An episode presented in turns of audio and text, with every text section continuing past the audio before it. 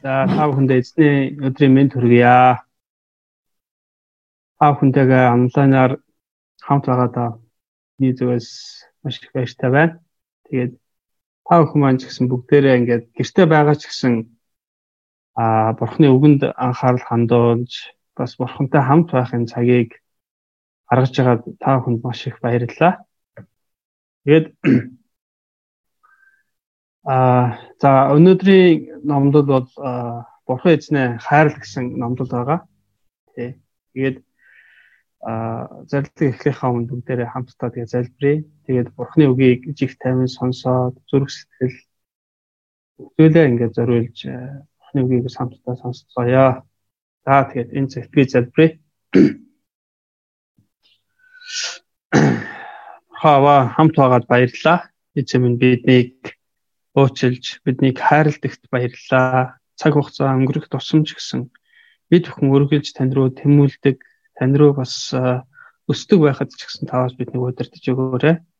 Зэн тэгээ та өнөөдрийн энэ онлайн чуулгантай хамт байгаа хүн нэг бүрийн дээр та өөрийн ариун сүнс, мэрэгүү хаан хүч чадлыг бас та дүүрэн шөөрөөгөөрэй. Мөн таны үгийг илүү сайн ойлгох тэр ариун сүнсний сүнсний тэр даруй байдлыг бас та дүүрэн шөөрөөгөөрэй Зэмэн тэгээд бид бүхэн үргэлж таны үгнээс суралцаж тантай хамт байхад таас биднийг өдөртөж өгөөрэй.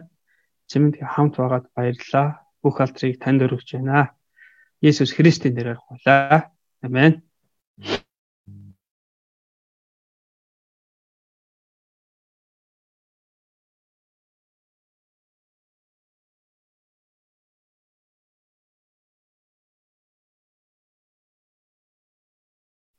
За өмнөх номлоор бид бүхэн амьдлтын талаар үзсэн. Харин өнөөдрийн үзэх номдол бол бурхан бурханы эмх зэгц болон агуу тушаал бас хайраас оролцох болно. Аа бид бурханы энэ бидний бурхан энэ дэлхийн эмх зэгц дарааллын дагуу бүтээсэн гэдгийг бид бүхэн сайн мэддэг. Тэгвэл эхлээд бурхан суурийг дараа нь амьд биетэй бүх зүйлийг бүтээсэн үнэхэрийн гайхалтай. Бүх бүтээлийг бүрэлдэн бий болсны дараа хүнд анхны тушаалыг өгсөн байдаг. Тушаал бол биелүүлэхээс өөр аргагүй орон зай, цаг хугацаа, үл хамааран бидний дунд заавал биелүүлэх ёстой үг байдаг тийм. Бурхны өгсөн тушаалуудын үндэс нь хайрын үднээс бидэнд өгсөн гэдгийг бас энэ номлолоос бид нар харж байна. Энэхүү номлыг сонсож чих тавих Түүнийг бүрт бурхны хайр, амар амгалан дүүрэн байх болтугай. Мэн. За бүгдээрээ эхний хэсгийг үзье. Нэгдүгээр хэсэг тэргүүн тушаал 28-аас 30 дахь зүйл. За та бүхэн одоо зарилгийн 28 дахь зүйлийг үзээрэй. Библиэд байгаа Библиэ гаргаад энийг хараарай. За би бас уншиж өгье. Аа Хуулийн багш нарын нэг нь ирж тэднийг маргалдахыг сонсоод Есүс сонсоод Есүс тэдэнд сайн хариусныг мэдээд түүнээс ямар тушаал нь эхнийх вэ гэж асуусан. Хуулийн багш нар маргалдаж байхыг сонссон нэг хуулийн багш нар Есүс дээр ирээд багшаа хамгийн анхны тэрүүн тушаал болох нь аль нь вэ хэмээн а Есүсээс асууж байв. Өөрөөр хэлэх юм бол хуулийн багш нар бол Есүсийг дандаа унгах, Есүсийг Есүсээс хариулт авахдаа дандаа шалгасан байдлаар асуудаг байсан. Харин өнөөдрийн энэ номдолд гарч байгаа Есүсээс асуулт асууж байгаа хуулийн багш бол өөртөө байгаа хууль болон тушаалын мэдлэгээ зэгцэлж бас өөрийн ойлголтоо зэгцэж авах юм бодолтой асууж байгаа. Өөрөөр хэлэх юм бол Иесусыг унахаас илүүтэйгээр өөрийнхөө дотор байгаа мэдлэг тушаалуудыг зөв байгаа эсхийг мэдхийн тулд инх асууж байгаа. Иесус түүний асуусан асуултанд хариулахаас өмнө тушаалыг бид өхөн юу гэж Есүс бидэнд юу гэж заасныг бид нар бас эргээд нэг харцгаая. Есүс түүнд ингэж хэлсэн байна. Эхнийгийг нь сонс Израиля. Бидний бурхан бол ганц юм гэж хэлсэн байна. Сонс гэдэг нь үг нь хамгийн чухал гэдэг чухал үг гэдгийг бас энд Есүс анхааруулan хэлж байгаа. Бид ямар нэгэн чухал зүйлийг бид нар хэлэхдээ энэ зүйлийг ашигладаг.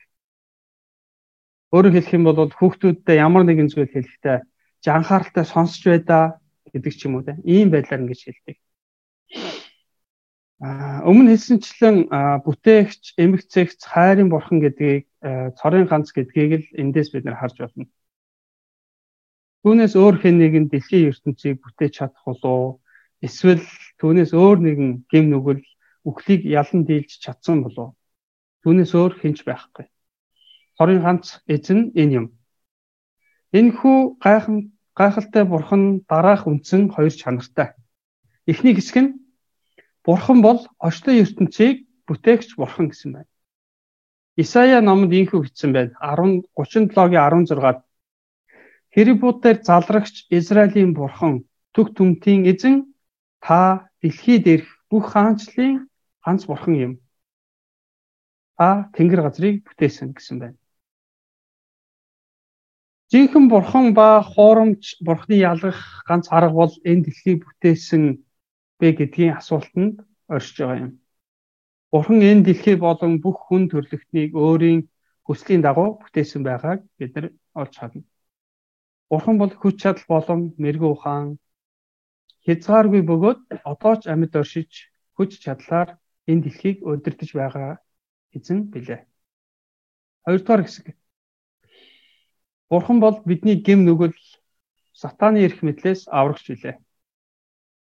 Бурхан Израилийн Израилийг хурганы тусаар фараоны гараас аварсантай адил Есүс Есүсийн нандин тусаар бидний гэм нүгэл сатааны хэрэгшээлээс татан гаргаж өөрийн ард түмэн болгосон. Бидний гэмээс сатааны эрх мэдлээс ангижруулж чадах нэгэн бол зөвхөн цорын ганц эзэн билээ. Тэгвэл бүтээгч аврагч эзэн ямар хандлага бид нар ямар хандлага гарах ёстой вэ? Одоо зарлагын 30 дахь зүйлийг үзээрэй.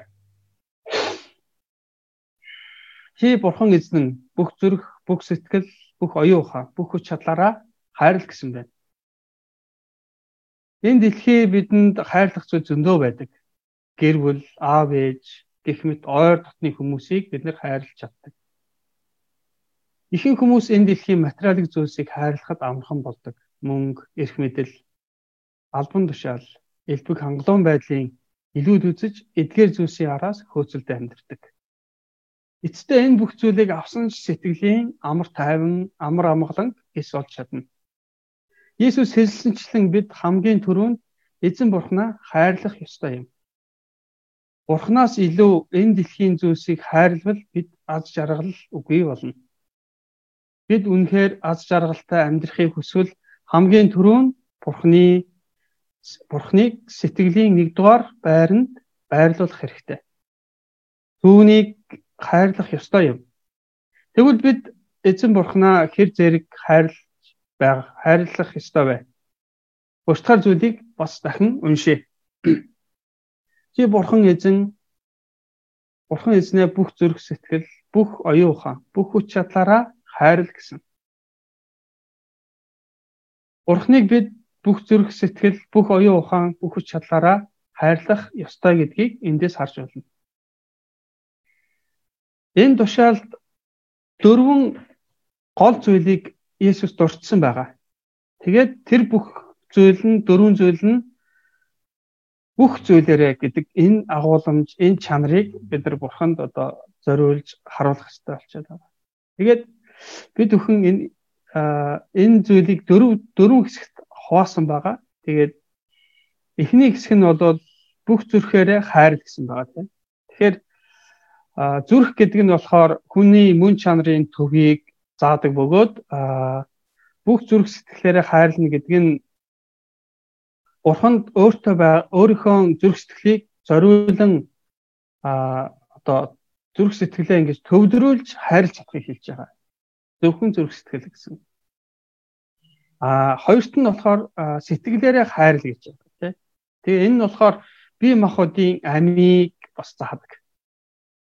Тэгээд бас бүх сэтгэлээрээ хайрлна гэдэг нь бидэнд өгөгдсөн ам ам би авьяас мэлгэрээ хайрлах гэсэн утга бүхийг агуулдаг. Гурав дахь хэсэг нь болохоор бүх оюун ухаанаараа гэсэн байна. Энд оюун ухаан санаа сэтгэл бодлыг зааж багуу бөгөөд бүх оюун ухаанаар хайрлна гэдэг нь санаа сэтгэл оюун ухаанаараа Иесус Христийг хайрлах гэсэн тэр зүйлийг бас хэлж байгаа. Дөрөвтг нь бүх хүч чадлаараа гэж байгаа. Энэ нь болохоор өөрт байгаа бие махбодын бүх хүч чадлаараа хайрлах. Таны хүч тамир, тэнхээ, сэтгэлийн хүч тэр бүх зүйлийг энд хэлж байгаа. Бас гоо үзэсгэлэн тий. Өөртөө байгаа тэр бүх зүйл хөрөнгө, авьяас энэ бүх зүйлээрээ Бурхныг хайрлахыг хэлж байгаа. Гэхдээ эзний хэлж байгаа гол зүйл маань юу вэ гэхээр энэ дөрвөн зүйлээрээ тус бүрээрээ ингэж бурхныг хайрлаж чадахгүй гэдгийг бид нар бас сайн мэдж байгаа. Өөрөөр хэлэх юм бол энэ дөрвөн зүйл нь нийлээд нийлбэр болохоор бурхныг одоо 100% хайрлаж чадах юм а гэдгийг бидэнд бас хэлж байгаа. Тэгээд эзэн бурхны хайрлах бурхны бурхан бидэнд өгөх тэрүүн тушаалт нь бол энэ юм. Цорын ганц хүүгээ загалмаад өргөхдөө Есүс бурхан а загалмаад хүүгээ өргөхдөө 100% хайрлсан. Тиймээс бид бурханд бас энэ 100% хайрыг илэрхийлж гаргах хэрэгтэй. Бас хайрлах хэрэгтэй. Бид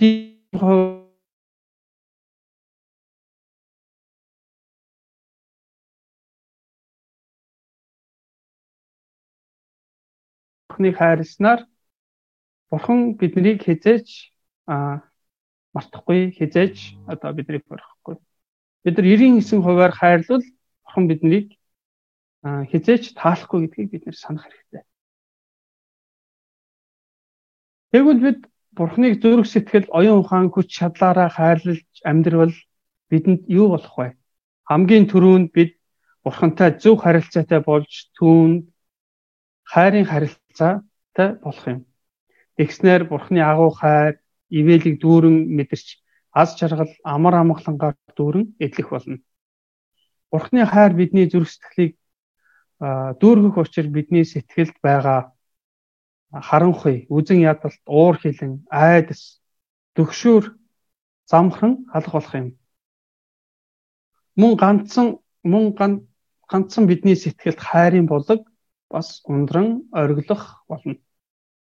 Манай чуулган хүмүүр бурханд өөрийнхөө хүч чадал зүрх сэтгэлээ хайрлаж чадахыг бид хүсэн гуйж байна.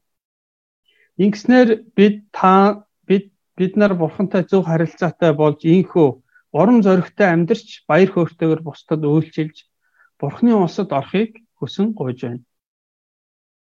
Хоёрдугаар хэсэг хэсэг хөршөө өөрийн адил хайрл 31-ээс 34 дугаар зүйл За одоо 31 дугаар зүйлийг хамт уншъя. Чи хөршөө өөрийн адил хайрл. Эхний тушаал бол бурхан бурхнаа бүх зүйлээрээ хайрл гэсэн бол дараагийн тушаал бол хөршөө өөрийн адил хайрлаарай хэмээн хэлж байна. Бидний хөрш гэж хэмбэ? Яагаад тэднийг өөр шигээ хайрлах хэрэгтэй вэ?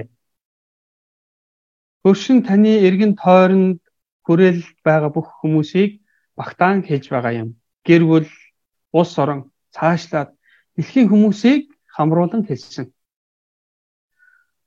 Өнөөдөр бидэнд өгөгдсөн онцгой хайр ивэл дуудлага бол дуудлага бол Монгол болоод дэлхийн оюутнууд юм. Бидний онцгойлон хайрлах хөрш бол оюутан залуучууд билээ. Бидний бидний эхний тушаалыг ягштал биелүүлж чадвал хөршөө хайрлахад бас тийхүү амар байх болно. Өөрөөр хэлбэл өгөгдсөн хоёр хууль нь бие биедээ нөхөж харилцсан хамааралтай байдаг. Хөршөө хайрлаж байгаа нэг нь Бурхныг хайрлаж байгаа гэсэн үг. Хөршөө Есүс хөршөө өөрийн адил хайрлахыг биеэрээ өөрөө харуулсан билээ. Сүнслэг бус хүн өөрийгөө илүү их хайрладаг гэдгийг эндээс бас ойлгож болно. Ямар үед бид Бурхныг хайр ивэлийг авдаг бай. Бусдад сайн мэдээ ярьж Библийн хичээл хийх үед Бурхны амар амгалангаар дүүрэн болдог. Энэ нь хөршөө хайрлбал өөрийгөө хайрлсантай адил юм. Харамсалтай нэхэн хүмүүс өөрийн тав тухтай байдал, гэр бүлийн аятай тухтай байдлыг илүү тооцсон амьдрсан учраас Бурхны хайр ивэлийг амсаж чадахгүй орхидог. Энэ буруу зүйл биш ч гэсэн Бурхан эхлээд Бурхныг дараа нь хөршөө хайрлах хэрэгтэйг эзэн бидэнд тушааж байна. Хоёр дахь тушаалын тод жишээ бол бидний сайн мэдих а Лук 10 33 дээр гардаг а сайн самар хүний тухай бид нар сайн мэддэг. Энэ жишээ бол хөршөө хэрхэн хайрлаж байгаагийн тод жишээ гардаг. Өөр бас нэгэн жишээ бол Матай номонд хэлсэнчлэн дайснаа өөрийн адил хайрл гэсэн байдаг. Бид өөрсдийн аз жаргал, эрүүл мэнд бүх зүйлдээ анхаардаг шигэ хөршөө тийм хайрлаарай хэмээн Иесус биднэрт тушаан хэлж байна. Амен. Амен. Бид хөршөө хайрлахгүй бол Бурхнаа хэрхэн хайрлж чадах вүлээ? 1-р Иохан 4-ийн 20-с 21 дээр бичсэн байдаг. Олон хүмүүс өөр нэгэн алдаа хийдэг. Бид тэд бурхныг хайрлахгүйгээр бусдыг хайрлах гэж хичээдэг. Энэ бол хүний хайр бөгөөд энэ нь удаан үргэлжилдэггүй. Хэсэг хугацаанд үргэлжлээ. Хэсэг хугацаанд байжгаад ингээд дуусдаг. Хүчин одоо мөхсдөг гэсэн үг тийм. Жинхэнэ хайр бол бурхныг хайрлах хайр буюу бидэнд түүнд итгэх итгэлээс ундран гардаг гэлээ. Паул инхүү хэлсэн. Учир нь бидэнд өгөгдсөн ариун сүнсээр дамжуулан Бурхны хайр бидний зүрх зүрхэнд цутгагдсан байдаг гэсэн байна. Бид хөршөө үнэн сэтгэлээсээ хайрлаж байгаа нь бидний хуваар хичээсэн хүнийг хайрлахаас хайраас бус харин бидний дотор оршдог ариун сүнсээр дамжуулан бидэнд өгөгдсөн өгөгдсөн Бурханаас ирсэн байдаг юм а. Өнөө цаг үеийн онцлог онцлог бол амин хуваа хичээх явдал байлаа билээ. Хоёрдугаар Тимот 3-ын 1-ээс 5-д ийхүү бичсэн байна. За би та бүхэнд уншиж өгье. Эцсийн өдрүүдэд хэцүү цаг ирнэ гэдгийг мэдэж ав. Учир нь хүмүүс аминч, мөнгөнд дурлагч, сагсуу, их зантай оромжлогч, эцэг ихэд дуулуургүй, үл талархагч, ариун бус, үл хайхрагч, үл эвлэрэгч, гүтгэгч, бие хяндгүй, хэрцгий, сайныг үзен ядагч, тэрслэгч, бодлогогүй, бие тоодог. Бурхныг хайрлагч байхаас илүү зугаа цэнгэлийг хайрлах болно гэсэн байна. Тэд итгэл сүсэгт дүртэйч хүчийг үгүйсгдэг. Чи тэднээс хол бай гэсэн байна. Бид сүүлийн цаг үед амьдарч байна. Ийм зүйлүүд маш их гарч байгааг бид бүхэн одоогийн нийгмээс харж болно. Харин итгэгч бид хөршөө хайрлах, хайрыг харуулах хэрэгтэй. Агуу тушаалын дагуу хөршөө хөршийн хөрштөө хайрыг зааж өгөн залбирч өгснөөр тэр сүнсэнд мөнхийн шийт мөнхийн шийтгэлээс аврагдах замыг бид нээж өгөх хэрэгтэй юм аа. Бурхны биднэрт сануулan хэлж байгаа зүйл бол бидний амьдарч байгаа цаг үе нийгэм Библиэд гарсанчлан төгсгөлийн үед гарч байгаа учраас бид бүхэн тушаалыг ягштал сайн сахиж биелүүлснээр олон хөшөө аврах хэрэгтэй. Олон оюутнуудыг авраараа хэмээн бид нар тушааг хэлж байна. Ингийн тулд бид нар бурхан эзнээ хайрлаж зүрх сэтгэлээрээ бие махбод бүх зүйлээрээ хайрлаж өөрийн хөшөөдийг бурхны улсад оруулцгаая. Амен. Дүгнэлт